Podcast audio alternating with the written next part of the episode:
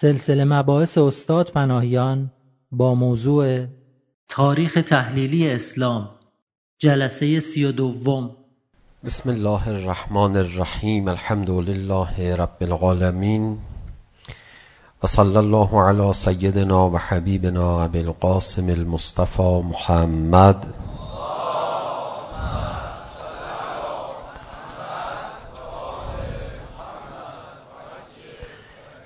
وآله الطيبين الطاهرين المعصومين سيما الحجة بقية الله الأعظم روحي وأرواح العالمين له الفداء واللعن الدائم على أعدائه مجمعين إلى قيام يوم الدين رب اشرح لي صدري ويسر لي أمري واحلل عقدة من لسانی یفقه قولی در جلسات خیلی قبلتر ما چهار مأموریت اصلی پیامبران الهی رو در آیات قرآن مرور کردیم و بیشتر بر اولین مأموریت یا اولین وظیفه در مأموریت پیامبران الهی عموما و پیامبر گرامی اسلام خصوصا اشاره کردیم. بحث در این بود که مأموریت پیامبران الهی در چهار بخش معمولاً اعلام میشه در قرآن کریم یتلو علیهم آیاته و یزکیهم و یعلمهم الکتاب و الحکمه تلاوت تزکیه تعلیم تعلیم هم در دو بخش کتاب و حکمت که در مجموع چهار تا میشه با سه عملیات عملیات تلاوت عملیات تزکیه و عملیات تعلیم. ما این ستا رو داریم. دوستان دقت کنن ما میخوایم از کنار این سه مفهوم ساده عبور نکنیم. سعی هم میکنیم مفهوم از خودمون اضافه نکنیم.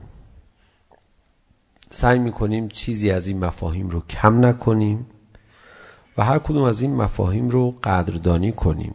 با هم متداخل و مترادف نبینیم. از کنارشون سطحی عبور نکنیم. مثلا سعی میکنیم که کلمه تربیت رو استفاده نکنیم. به جاش تلاوت، تزکیه، تعلیم رو استفاده بکنیم. الان در بین ما رواج داره آموزش و پرورش. اولا آموزش مقدم میشه ثانیا پرورش یا تربیت تعلیم و تربیت تعلیم متناسب با کدوم یکی از این سه مفهومه که ما در قرآن کریم جزو رسالت های انبیاء الهی میبینیم. این موضوع قابل تعملیه بالاخره تربیت هم کلمه عربی بوده. میتونیم سطحی برخورد بکنیم بگیم مرسوم نبوده اون زمان استفاده کنن جاش گفتن تزکیه. یا اینجا درست تعلیم بعد از تزکیه ذکر شده ولی معمولا باید برای تزکیه یه تعلیماتی اول داده بشه دیگه. بالاخره اینجوری شده که ما گفتیم آموزش مقدم بشه مثلا تعلیم و تربیت الان رواج داره گفته میشه تعلیم مقدم میکنن. یا آموزش و پرورش ترجمه فارسیش آموزش رو مقدم میکنن. یک کمی میخوایم با دقت بیشتری نگاه بکنیم. اون زمان چرا از کلمه تربیت که رواجم داشته اتفاقا استفاده میکردن؟ در ارتباط بین مادر با فرزند شیرخواره کلمه تربیت استفاده میکردن. ولی اونجا استفاده میشده. در ارتباط با آدمای بزرگ بالغ با شعور تربیت استفاده نمیشده. علت هم شاید داشته دیگه حتماً. خب از این طرف ما کلمه تزکیه رو داریم. معلوم نیست معناش مساوی با کلمه تربیت باشه. که خیلی وقتا یه مقدار بازم سطحی میخواد برخورد بشه تزکیه رو عین تربیت میگیرن بعضی ها نه اینجور نیست. نباید اینجور باشه. حالا دقت بکنیم در معنای تزکیه بیشتر روشن میشه. ضمن اینکه تلاوت هم کم کار تربیتی نیست.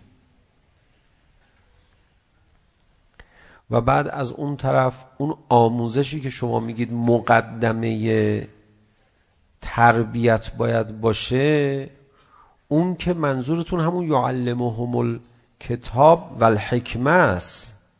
چون بخش عمده ای از تعلیم کتاب و بخش عمده تری از تعلیم حکمت همون تر... آموزش مقدمه تربیته. اصلا حکمت رو خیلی ها با مفاهیم اخلاقی نزدیک میگیرن. بالاخره دو مفهوم آموزش و پرورش یا تعلیم و تربیت از یک برش دیگری نگاه کرده زندگی مردم رو برنامه‌ریزی کرده برای رشد اونها.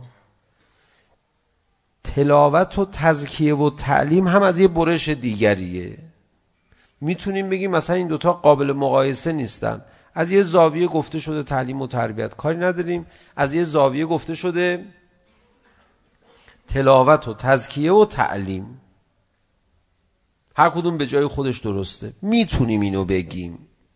زیاد ما لغت بازی نمیخوایم در بیاریم. ولی معلومه که ترجیح داره این سه مفهوم قرآنی رو خوب بفهمیم. نه اون مفاهیمی که خودمون جعل کردیم. بعد ببینیم در اون ترتیب چه حکمتی نهفته است.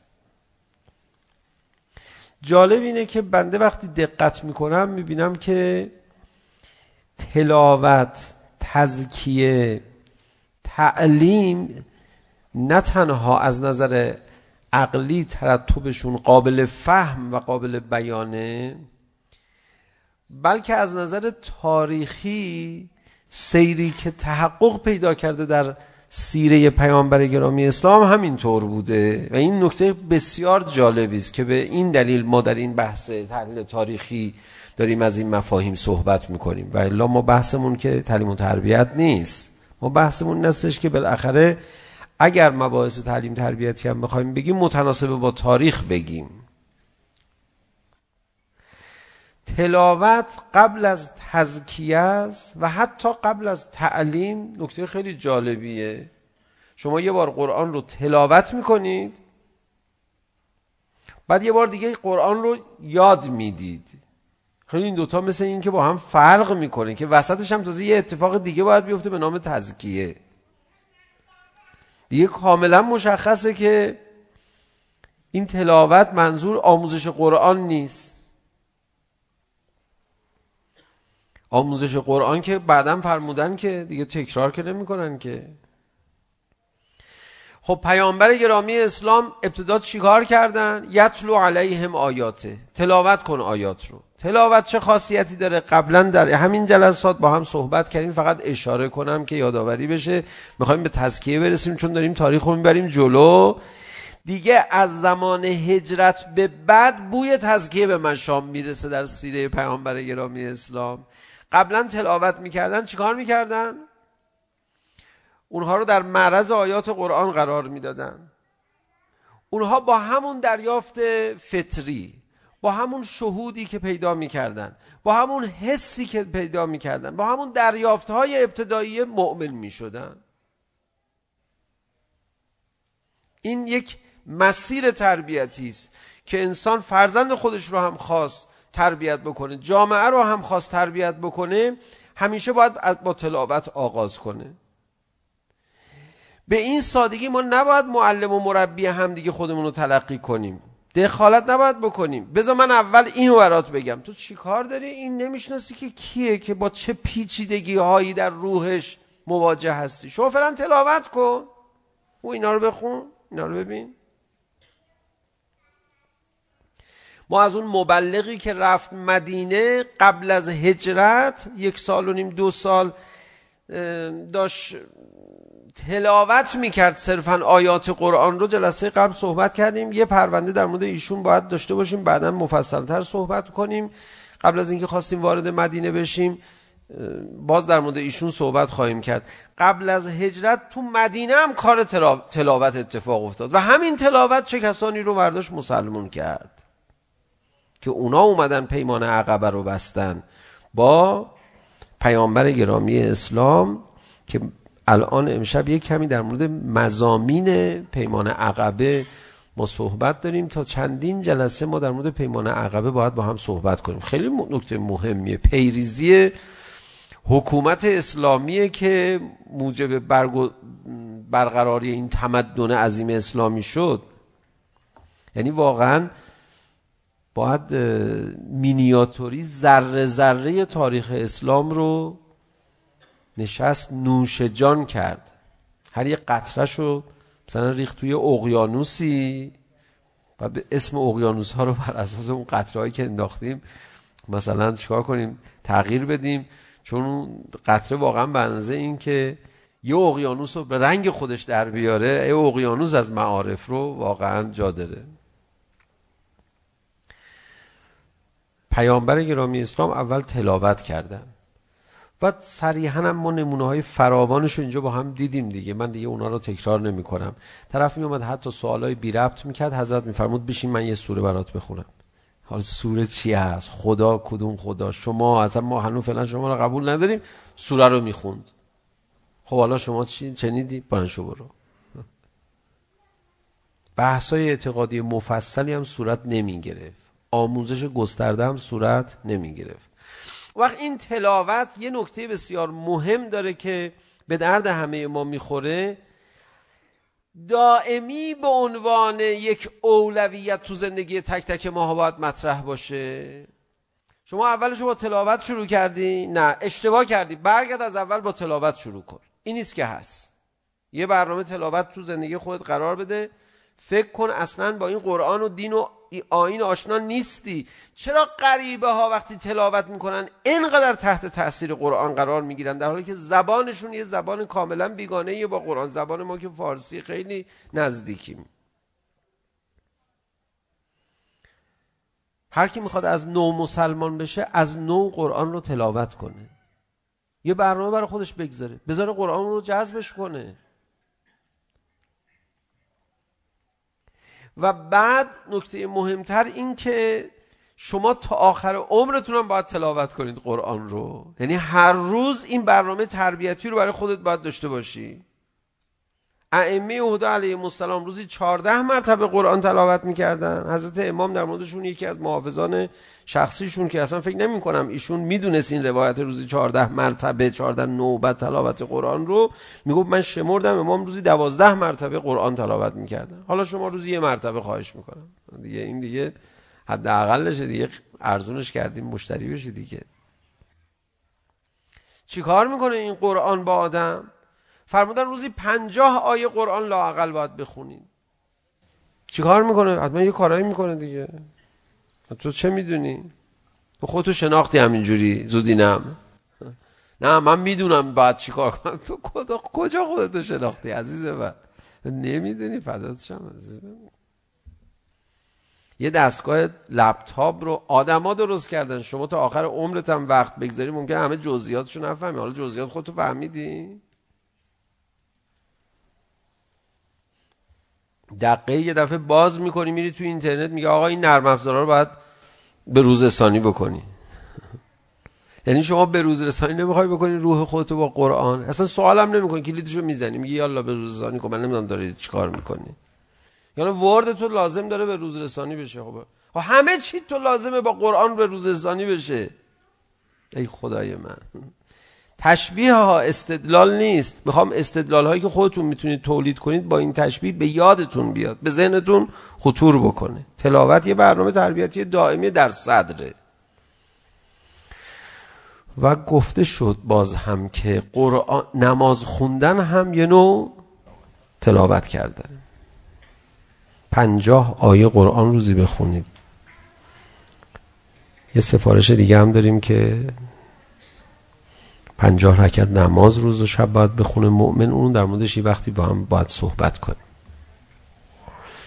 بگذارید باشه اونو حالا من تو ذهنم هست. انشاءالله خدا ببینیم کی میخواد با هم. بذارید من اول این بحث تذکیه رو بگم. این لازمه. خب تلاوت تا اینجا انجام شد. حالا یه عده اومدن پای پیغمبر گرامی اسلام جامعه میخواد شکل بگیره. جامعه هم که بدون حاکمیت نیست میفرماد دو نفرتون با هم دیگه بودید یکی باید رئیس بشه. دو نفری خواستید برید مسافرت کی رئیس؟ شوخی نداره. چند نفر بودید؟ هر کی رئیس شد جانشین خودش هم بلافاصله تعیین کنه. آقا من توریم شد ایشون. برای نه جنگا سفرهای عادی. خب در واقع داره حکومت تشکیل میشه.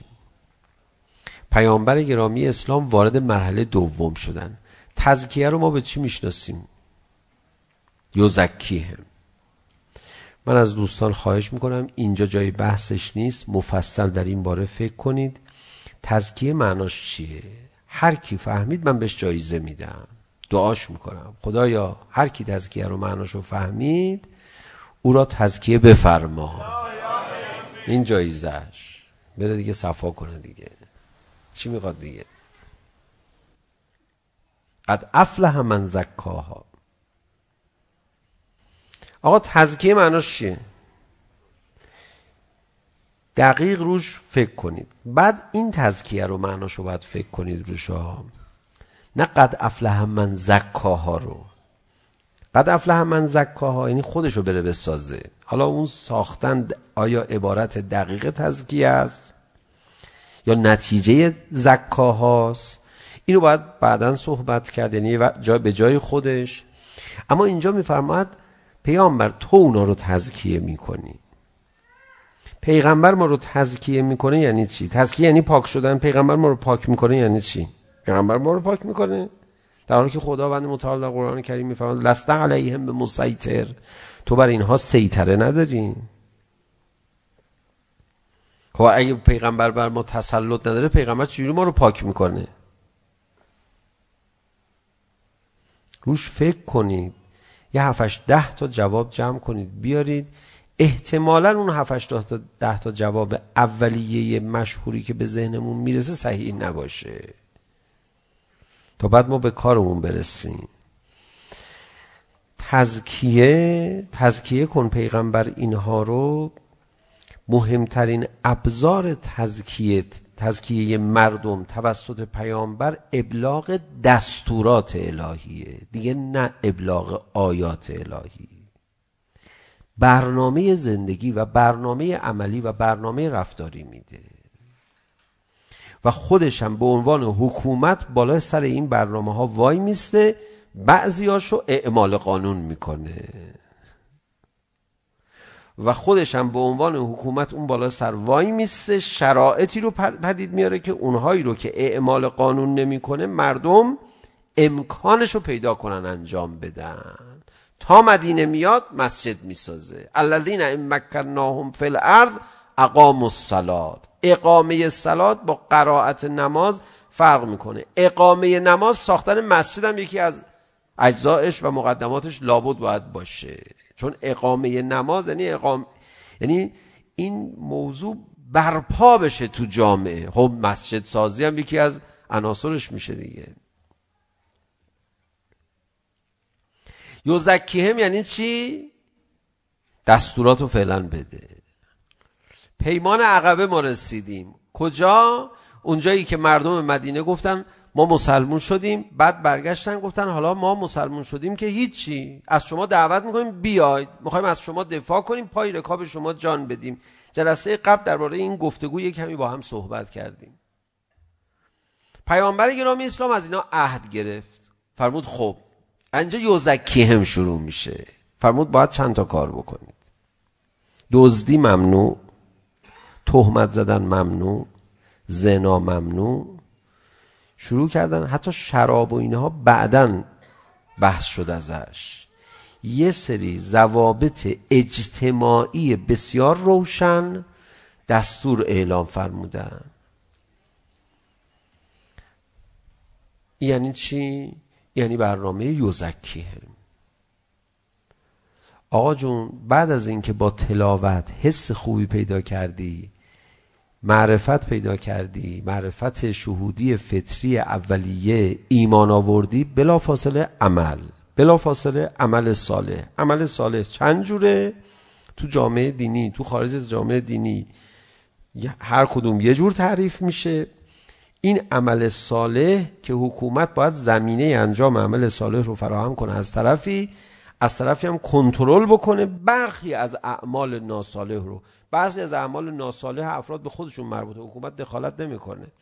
حکومت دینی. ولی برخی از اعمال مردم رو کنترل میکنه که مفسده عمومی نداشته باشه که بتونه تخریب بکنه وضع جامعه رو. و بعضی از اعمال خوب رو حتی میاد اجباری میکنه. مثل چی؟ یک عمل خوب.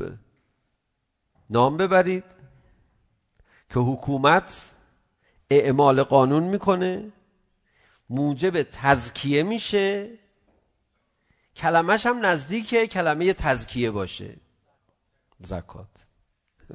این میخواستی زکاتشو بگم دیگه. درسته؟ این معلوم شد دیگه. خیلی زکات خیلی کلمه مهمیه. بلا فاصله بعد از نماز زکات.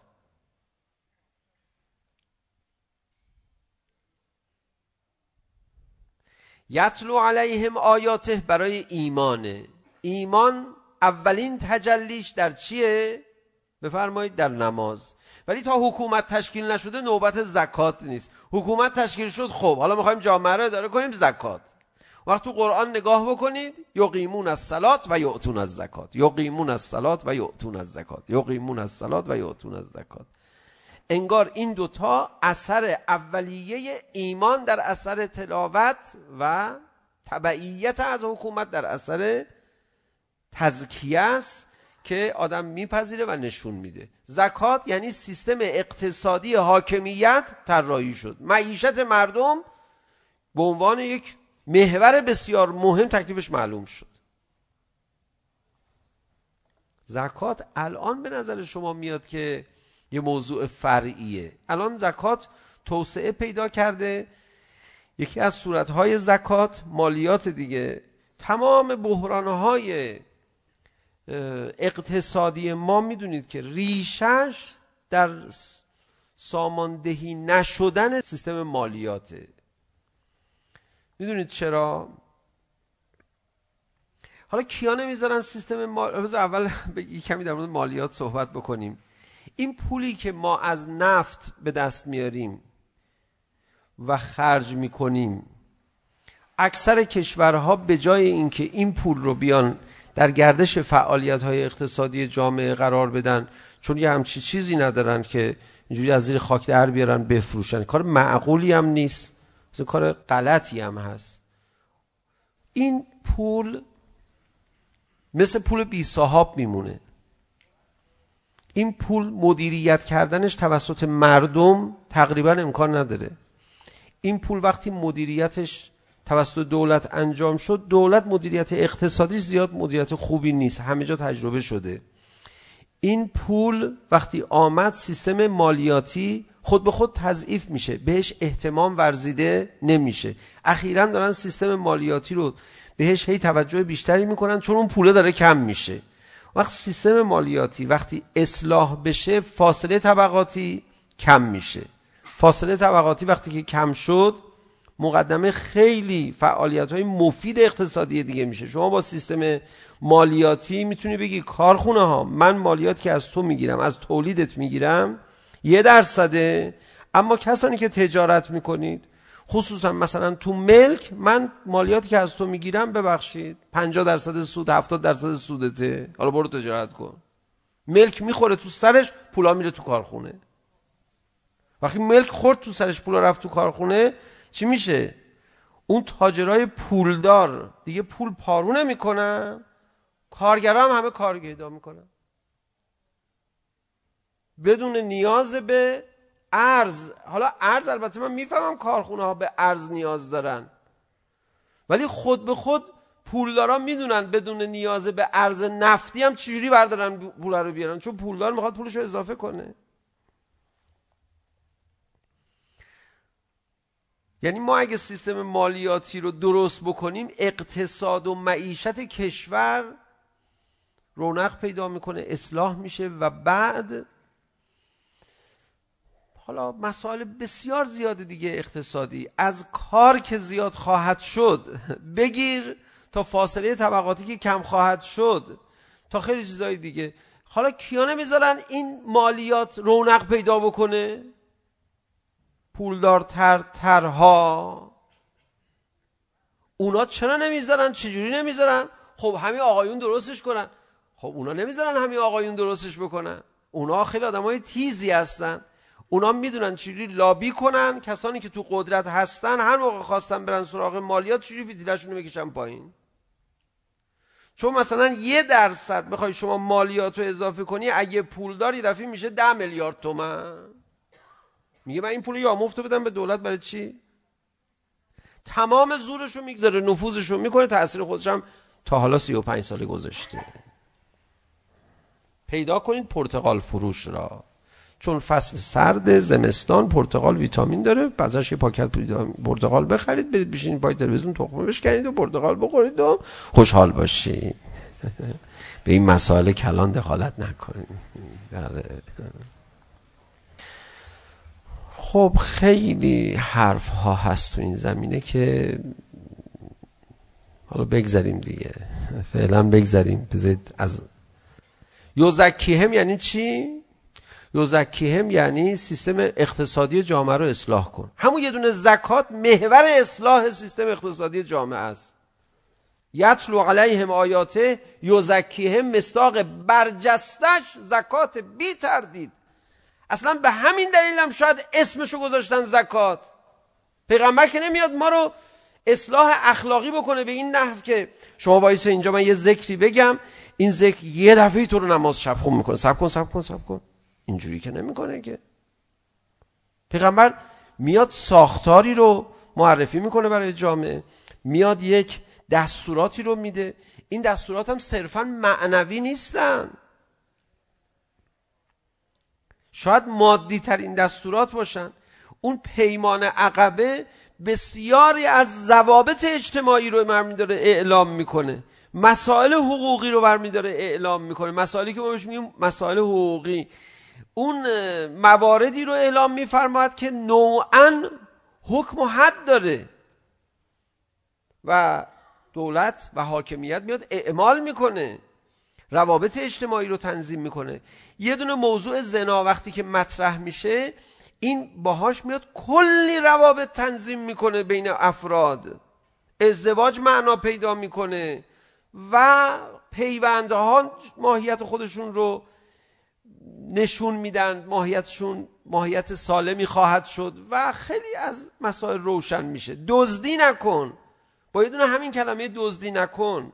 ربا نخوره کسی. با این جور احکام چه اتفاقی میفته؟ انگار با همین جور احکامی که در پیمان عقبه بود فرزندان خودتون رو به قتل نرسونید. نباید کسی کسی رو بکشه. این سلسله دستورات آغاز فصل یوزکیهم هست. خب این فصل وقتی جون بگیره نوبت یعلمهم الکتاب و الحکمه هم میرسه. حکمت میفته آخر سرها درسته؟ بله؟ بله نه نه بله. حکمت میفته اون آخر سرها به ترتیب دیگه. بله. علیون دار الحکمه. خانه حکمت علی ابن عبی طالبه. نوبت علی ابن عبی طالب هم اون اواخره که دیگه هی کم کم بله دیگه نوبت علی ابن عبی طالب علیه السلام میرسه و تناسب حکمت و امیر المؤمنین تناسب حکمت و محبت به بچه های پیغمبر تناسب فوقلاده عجیبیه. تناسب حکمت با این قطعه آخر تاریخ حیات پیغمبر و تاریخ و مأموریت پیامبر گرامی اسلام تاریخ عجیبیه که من از شدت علاقه و هیجان نتونستم بهش اشاره نکنم. یعلمهم الکتاب هم باید در جای خودش بررسی بشه. پس ما وقتی که میبینیم پیامبر گرامی اسلام اومدن تو پیمان عقبه قرار سر رفتار گذاشتن با مردم این یعنی یوزکیهم آغاز شد. چند تا قرار گذاشتن؟ دو تا قرار. یک همینجور مقررات دینی. دو دفاع از جان پیامبر و دفاع از فرزندان پیامبر. که باب جهاد رو باز میکنه. خود جهاد چقدر تزکیه کننده است؟ آقا قوانینی و ساختارهایی دارن شکل میگیرن که جامعه رو معین کنن برنامه شو ما در یک مدرسه اگه بخوایم عملیات تلاوت انجام بدیم که معلومه. بچه ها, بچه ها رو به مشاهده خوبی ها میبریم. قبلا باز در این باره با هم به عنوان مثال صحبت کردیم. بچه های مدرسه باید به مشاهده خوبی ها و خوبان عالم برن.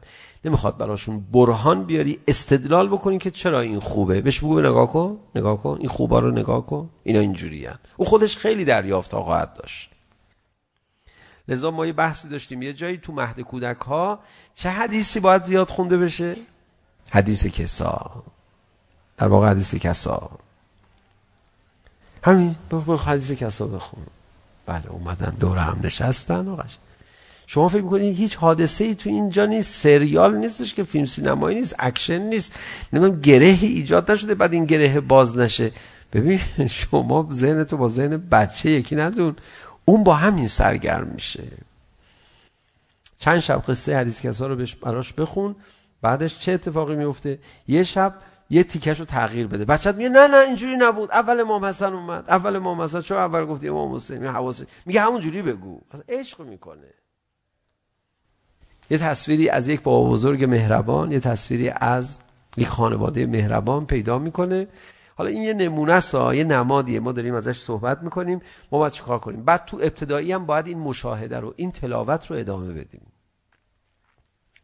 توی ابتدایی هم باید از روش حالا دیگه ما از این کلمه مجبوریم استفاده کنیم چون اصلا کلمه دیگه ای نداریم. از روش تربیتی تلاوت باید استفاده کنیم. تربیتی رو نگیم بهتره چون خود تلاوت یه روشه. مثلا بگیم از روش تربیتی تربیت باید استفاده کنیم خب دیگه تربیت گفتی دیگه بگو از روش تربیت باید استفاده روش های تربیتی استفاده کنیم تلاوت یه روشه.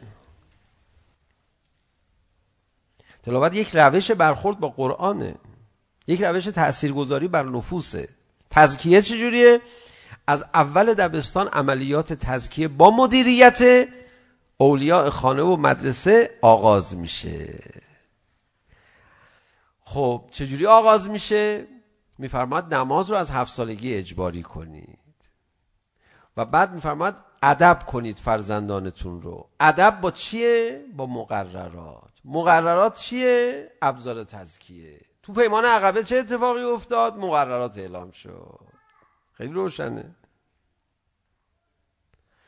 بعد از اینکه هفت سال با مدیریت اولیاء خانه و مدرسه عملیات تزکیه انجام شد مقررات اعلام شد. بچه هفت سال مقرراتی بار اومد. یعنی معدب بار اومد یعنی آداب رعایت کرد یعنی آیین رعایت کرد. یعنی هر کاری خواست بکنه اون کار یه ادبی مخصوص داره بعد اون کار رو انجام بده. بعدش بچه رو رها میکنی مشاوره بهش میدی. از هفت از 14 سالگی تا 21 سالگی بازم کنارش هستی. به عنوان اینکه سری مشاوره ها بهش بدی. وزیر او باشی رئیس او نباشی تا چیکار کنه تا این عملیات تزکیه رو تمرین کنه خودش با استقلال خودش با استقلال بیشتری نسبت به دوران دبستان که تقریبا استقلال در دوران دبستان به صفر میرسه مانند عبدی در مقابل مولاست دستور زیاد دریافت میکنه دستور وقتی دریافت کرد خاص قشنگ بشه این دستورها اسم دستورها رو میذارن اهل بیت ادب ادب یعنی چی یک سری مقررات برای رفتار. مقررات خوشگل. آداب ارتشی ها رو ببینید. سلام نظامی خوشگل. یه ادایی داره. یه ادبی داره لباس پوشیدنشون. قدیما دبستان ها آداب بیشتری در لباس پوشیدن رعایت میکردن. در مو زلفشون و خیلی رفتارهای دیگه. الان هم یه مقداری هست. اخیرا شنیدم که بعضی از مدارس مذهبی حداقل آداب هم حذف کردن. این چه جوری پارادوکسیکال میشه؟ من دیگه نمیدونم دیگه. و بعد میگن این کار خیلی کار عالیه. میگیم چرا؟ میگه به میل خودش بچه درس میخونه. مگه بچه باید درس بخونه فقط؟ شخصیتش رو کی تربیت میکنه؟ بعد اینها این روش ها به چه فجایعی می انجامه آدم باید بگه ولی خب کسی که نیست آمار بگیره. میگه من تا وقتی تو این مدرسه بود نمراتش بسیار عالی بود. دادمش کنکور قبول شد 20 شد تموم شد رفت. بقیه‌شو کی میره کنترل میکنه؟ که چه کردی تو؟ بعد این روی چه وسیله این کارو کرد؟ یعنی این درس خوندن رو با کدام قدرتش انجام داد؟ بعد از های همه قواشو استفاده کرد. اصلا میرسه انسان به یه فجایع عجیب غریبی. خب برگردیم آقا داشتیم در مورد پیمان عقبه صحبت میکردیم. پیمان عقبه یک پیمان اعتقادی نبود یک پیمان رفتاری بود. پیمان عقبه اولین رساله حقوقی پیامبر گرامی اسلام بود برای یک جامعه مقرراتی بود که در رفتارها اعلام شد.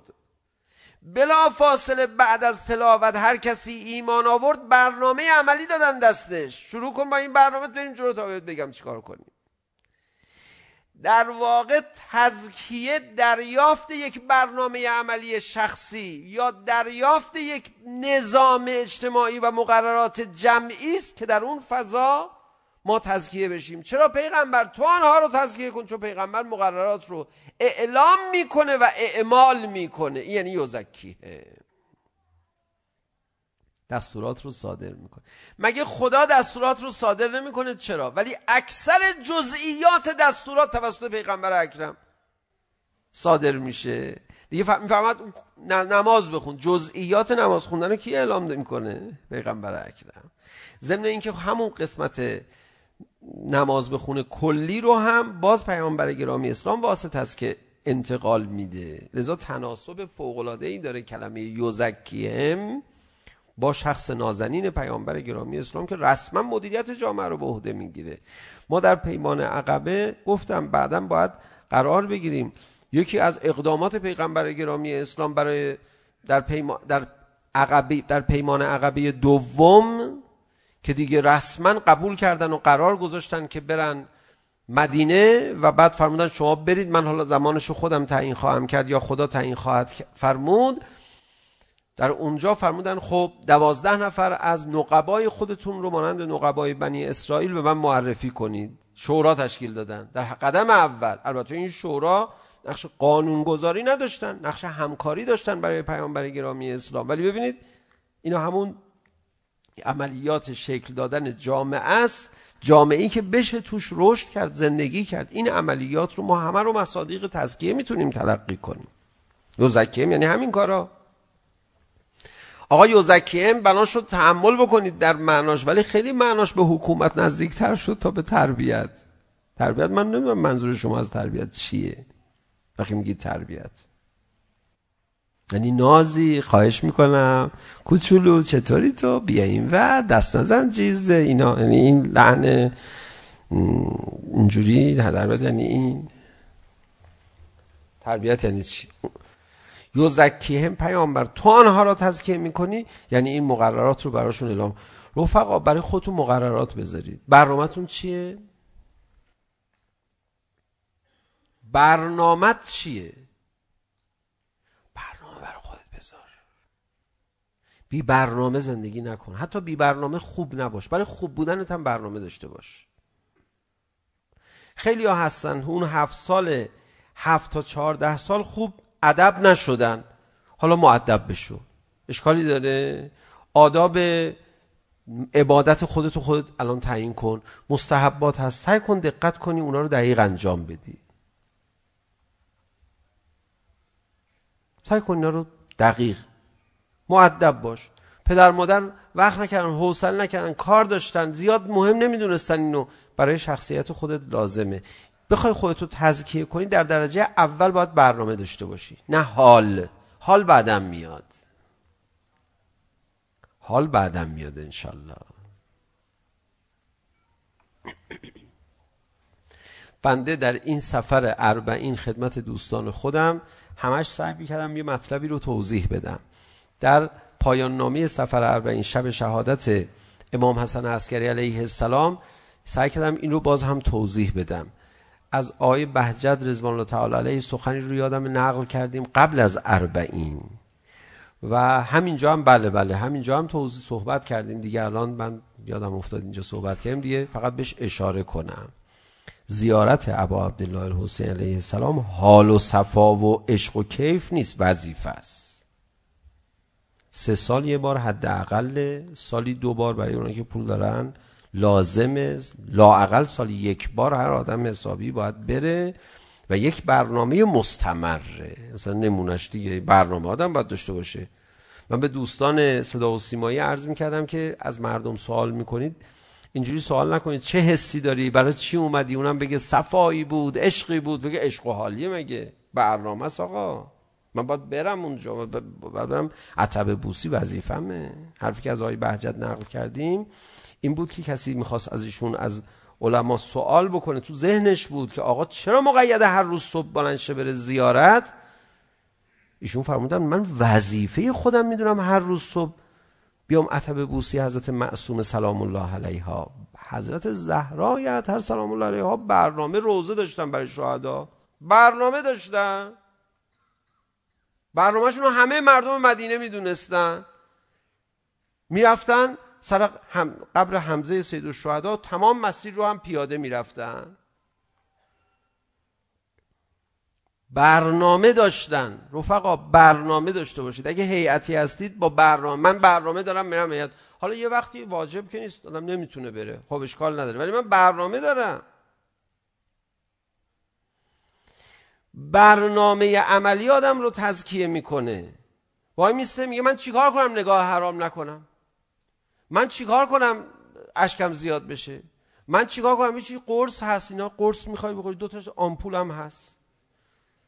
چی بگه آدم همجور وایستاده میگه شما برنامه عملی داشتی به اینا نرسیدی محال والله محال والله قسم دارم عرض میکنم وقتی میفهمد نماز اول وقت تو رو به همه جا میرسونه یعنی برنامه داشت برای داشته باش برای نماز خوندن اول وقت گفتن نماز با توجه آی بهجت فرمود نه همین نماز معمولی بعضی برای نمازشون هم برنامه ندارن در حالی که نماز تنظیم کننده همه برنامه هاست. نماز تنظیم کننده همه برنامه هاست. یادش به خیر واقعا چه زیبا بود. دو, دو مقطع من زندگی با نماز رو به صورت اجتماعی تجربه کردم. البته ما آخوندا معمولا زندگیمون با نماز تنظیم میشه. ولی به صورت اجتماعی تو دو تا فضا برنامه ها با نماز تنظیم می مثلا توی قوم حالا اخیراً بازم تغییر کرده. قدیما اینجوری نبود. مثلا درس داشتیم یک ساعت به اذان مغرب دیگه حالا این یه روز میشه 6 رو یه روز میشه 5 رو میشه 7 4 رو میشه 7 رو فرق اون یک ساعت به اذان مغرب درسه. زمان ها با اذان ها درست میشه با نماز ها درست میشه حوزه قدیم اینجوری بود بعد از نماز صبح فلان درسه یا حالا روز 6 4 3 5 هر چه هر چی است رفتم مشهد گفتم کی اذان گفت یه رفی نخوابید دیگه شما میگفتن آقا جا اونور دیر زود دیر یعنی شب زودتر چون ساعت ها خیلی مخصوصا در واقع شب های تابستان دیگه یه چیزی تا آدم از راه میرسه چی باید بره حرم نماز بخونه چه خبره شب به این رفت پاک البته آدم وقتی که دیر میرسه اینجوری چون حدود نیم ساعت و 35 دقیقه گاهی از اوقات تفاوت هست و بعد تو جبه هم یکی دیگه از این فضاها بود که برنامه ها اونجا معمولا با نماز تنظیم میشد یا قبل از نماز این برنامه بعد از نماز این برنامه رو نماز رو ساعت نبود ساعت تنظیم کننده است نماز از ساعت تنظیم کننده تره تو نماز که شما رو وا... ساعت که شما رو وادار به کار خاصی نمیکنه فقط بهت میگه این ساعت ولی نماز شما رو وادار به یه برنامه خاصی میکنه بعد خیلی تغییرات ایجاد میکنه خصوصا اگه بخوای مسجد هم بری بخوای وضو بگیری او یه تغییر اساسی توی زندگی ایجاد میکنه. زندگی کردن با نماز خیلی پیشرفته تر و دقیق تر از زندگی کردن با ساعت. چون اون زندگی طبیعی تره و شما بر اساس طبیعت زندگی میکنی شب و روز. الان یه مقدار پیشرفتی که شده اینه که ساعت ها رو یه ساعت جابجا جا میکنن. برای حالا اینکه یکم این روزها طولانی میشه مردم زودتر روز رو شروع کنن. وقتی روز طولانی خب شد خب شما زودتر شروع کن. وایسیدین مثلا کی بری سر کار؟ خب اصل ایده خوبه ولی اساسا ما بیاید برنامه داشته باشیم. نماز خودش یک خاصیت اینجوری داره و نمازی که برنامه داره برنامه های دیگه تو تنظیم میکنه نماز رو بی برنامه میخونه. این دیگه این این دیگه چیز دیگه یه قطره ای رو بهش دادن قطره چکون بریزه مثلا تو چشمش روزی سه مرتبه مثلا گفتن این بشکش هم بگی بردار ببر چون تمام طول عمرت بخوای مثلا چی بکنی این ببر بعد بشکش باشه درشو باز که حوصله نشه همه ریخته رو خودش و یا این به جای اون اصلا اثر نداره که این قطره است ولی قطره به چه کنی بوش داری برش ریخته و چقدر خنده داره اون حرکت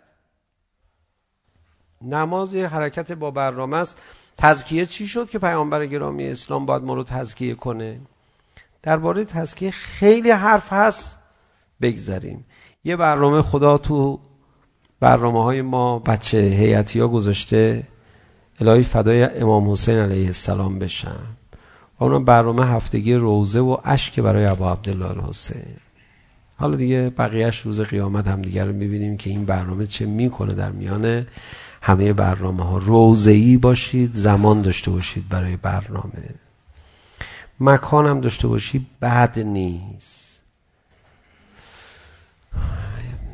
دلشون تنگ میشه زمان اون زمانی که تو همیشه تو اون زمان تو روزه‌ای دلش تنگ میشه خدا شاهد من آفریقا رفته بودم. خب ما جمعه شبا شبای جمعه یعنی برنامه های روزه ای داشتیم دیگه. حالا من هنر نکردم روزه ای باشم ها چون بالاخره کارم اینه باید برم حضور دارم روزه رفتن شما ارزش داره. باید یقین منو گره ببین تو خود این مسئولیت خوندن نداشتی بازم میرفتی؟ اون معلوم نیست جوابش مثبت باشه. وسط آفریقا بودیم ما. کشور اوگاندا فکر کنم.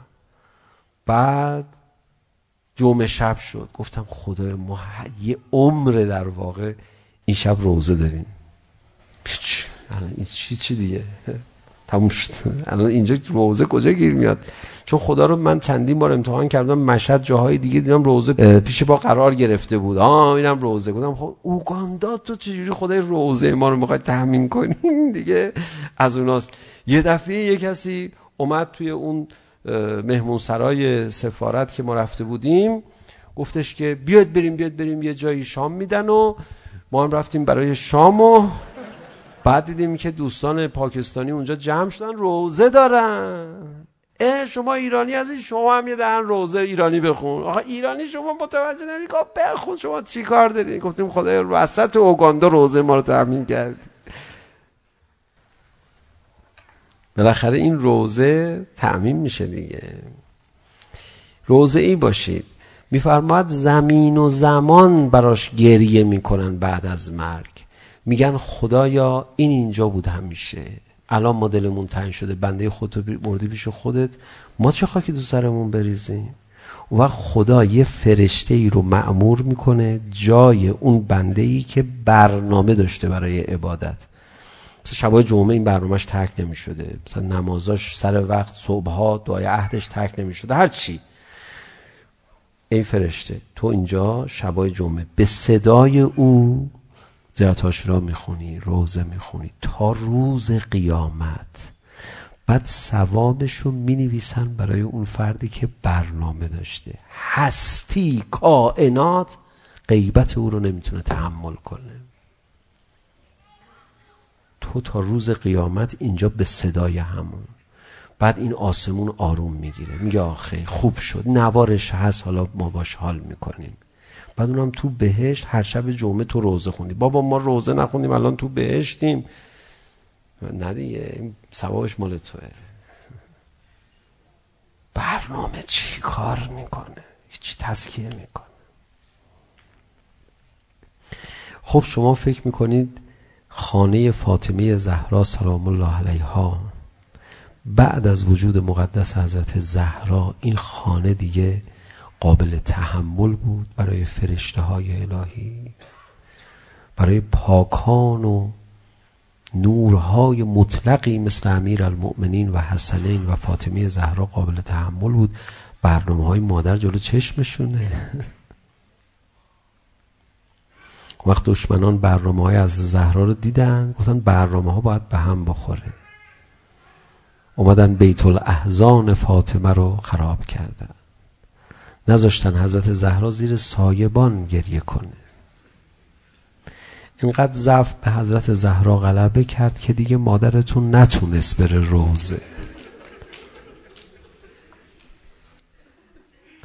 حتما یه دی خوشحال شدن دیگه. چون یه خانمی که دست به دیوار میگرفت راه میرفت خود این یه انقلاب بود. خود این یه حرکت بود. اگه کسی صدای فاطمه رو بین در و دیوار نشنیده بوده الان میتونه ببینه دیگه. الان نگاه کن دیگه. سوال نمیکنه این خانم 18 ساله چرا دست به دیوار میگیره راه میره؟ برنامه داره لذا اونا بیت الاحزان رو خراب کردن اینا سوال نمی کنن از خودشون چرا این خانم اینقدر گریه میکنه بس دیگه واقعا می اومدن و همین سوالات بود گفتن یا فاطمه چرا اینقدر گریه میکنی حضرت هم بدون هیچ واهمه ای حضرت زهرا بار جواب دادن نمیبینید علی دست بسته تو خانه نشسته قدیر و مردم فراموش کردن شروع میکرد تعلیم دادن جوانو یه کاری بکنید حالا اینجا رو من نمیخوام رونق بدم خدا شاهده الحمدلله رونق داره و همه جا باید رونق پیدا کنه هیئتی باشید بعد نیت هم بکنید ثوابش رو هدیه کنید به حضرت زهرا سلام الله علیها بعد یه غیرتی هم داشته باشید ها بگید مادرم با پهلوی شکسته هیئتش ترک نشد یه چیزی همیتی آدم داشته باشه دیگه تعصب یه چیزی هم خوبه دیگه. یه قرارایی بعضی وقت آدم برای خودش میذاره. رفتی تفریح نوش جانت الهی. برو تفریح. کنار دریا هم رفتی تعطیلات رفتی. بعد بگو شب جمعه است. همون کنار دریا دو سه نفر دور هم. یه جمله یه خط شعر بخون. بلد نیستی میخوام معلوم بد یاد بدم. ای کاش فدک نبود تا خاطرش. بر صورت زرد من اثر بگذاره یه جمله است. یه عشقی بریزید و تموم شد. یک دقیقه. و بگم تو چرا اینقدر تعصب داری؟ این تعصب و مادر ما به ما یاد داد. یه تعصبی داشت. اما شب جمعه از خود حضرت زهرا هم کربلاست. اینقدر تعصب به شهید داشت. می اومد کنار قبر حمزه سید شده حمزه سید شده روز قیامت نیازمند شفاعت از زهراست. ولی تعصب مادرتون رو ببینید. برداشت یه مقدار از تربت حمزه سید و شهده آورد خونه. مادر اینا رو برای چی میخوای؟ اینا رو تبدیل کرد به گل دونه دونه اینا رو تبدیل کرد به مهره تسبیح درست کرد. میخوام تسبیحات بگم بگم الله اکبر الله اکبر. تربت یک شهید تو دستم باشه. حضرت زهرا کشته ما رو. اصلا دیگه هیچی دیگه. چیکار کنیم؟ یا ابا عبدالله. از امام رضا یه پیرهن گرفت. برد و بعد از چند وقت آقا جون خیلی ممنونم. اون پیراهن رو من همیشه باش عبادت میکنم. ولی آقا جون پیراهنتون یه گوشش گلی بود. گل توی جیبش بود. من شستم. حضرت یه لبخندی زدم. فرمودن اون گل گل معمولی نبود. ما اهل بیت عادت داریم یه تربتی از ابا عبدالله الحسین همیشه با همون همراه. برنامه است اینا برنامه است اینا برنامه های خیلی ریزه ها جزئی حسینی.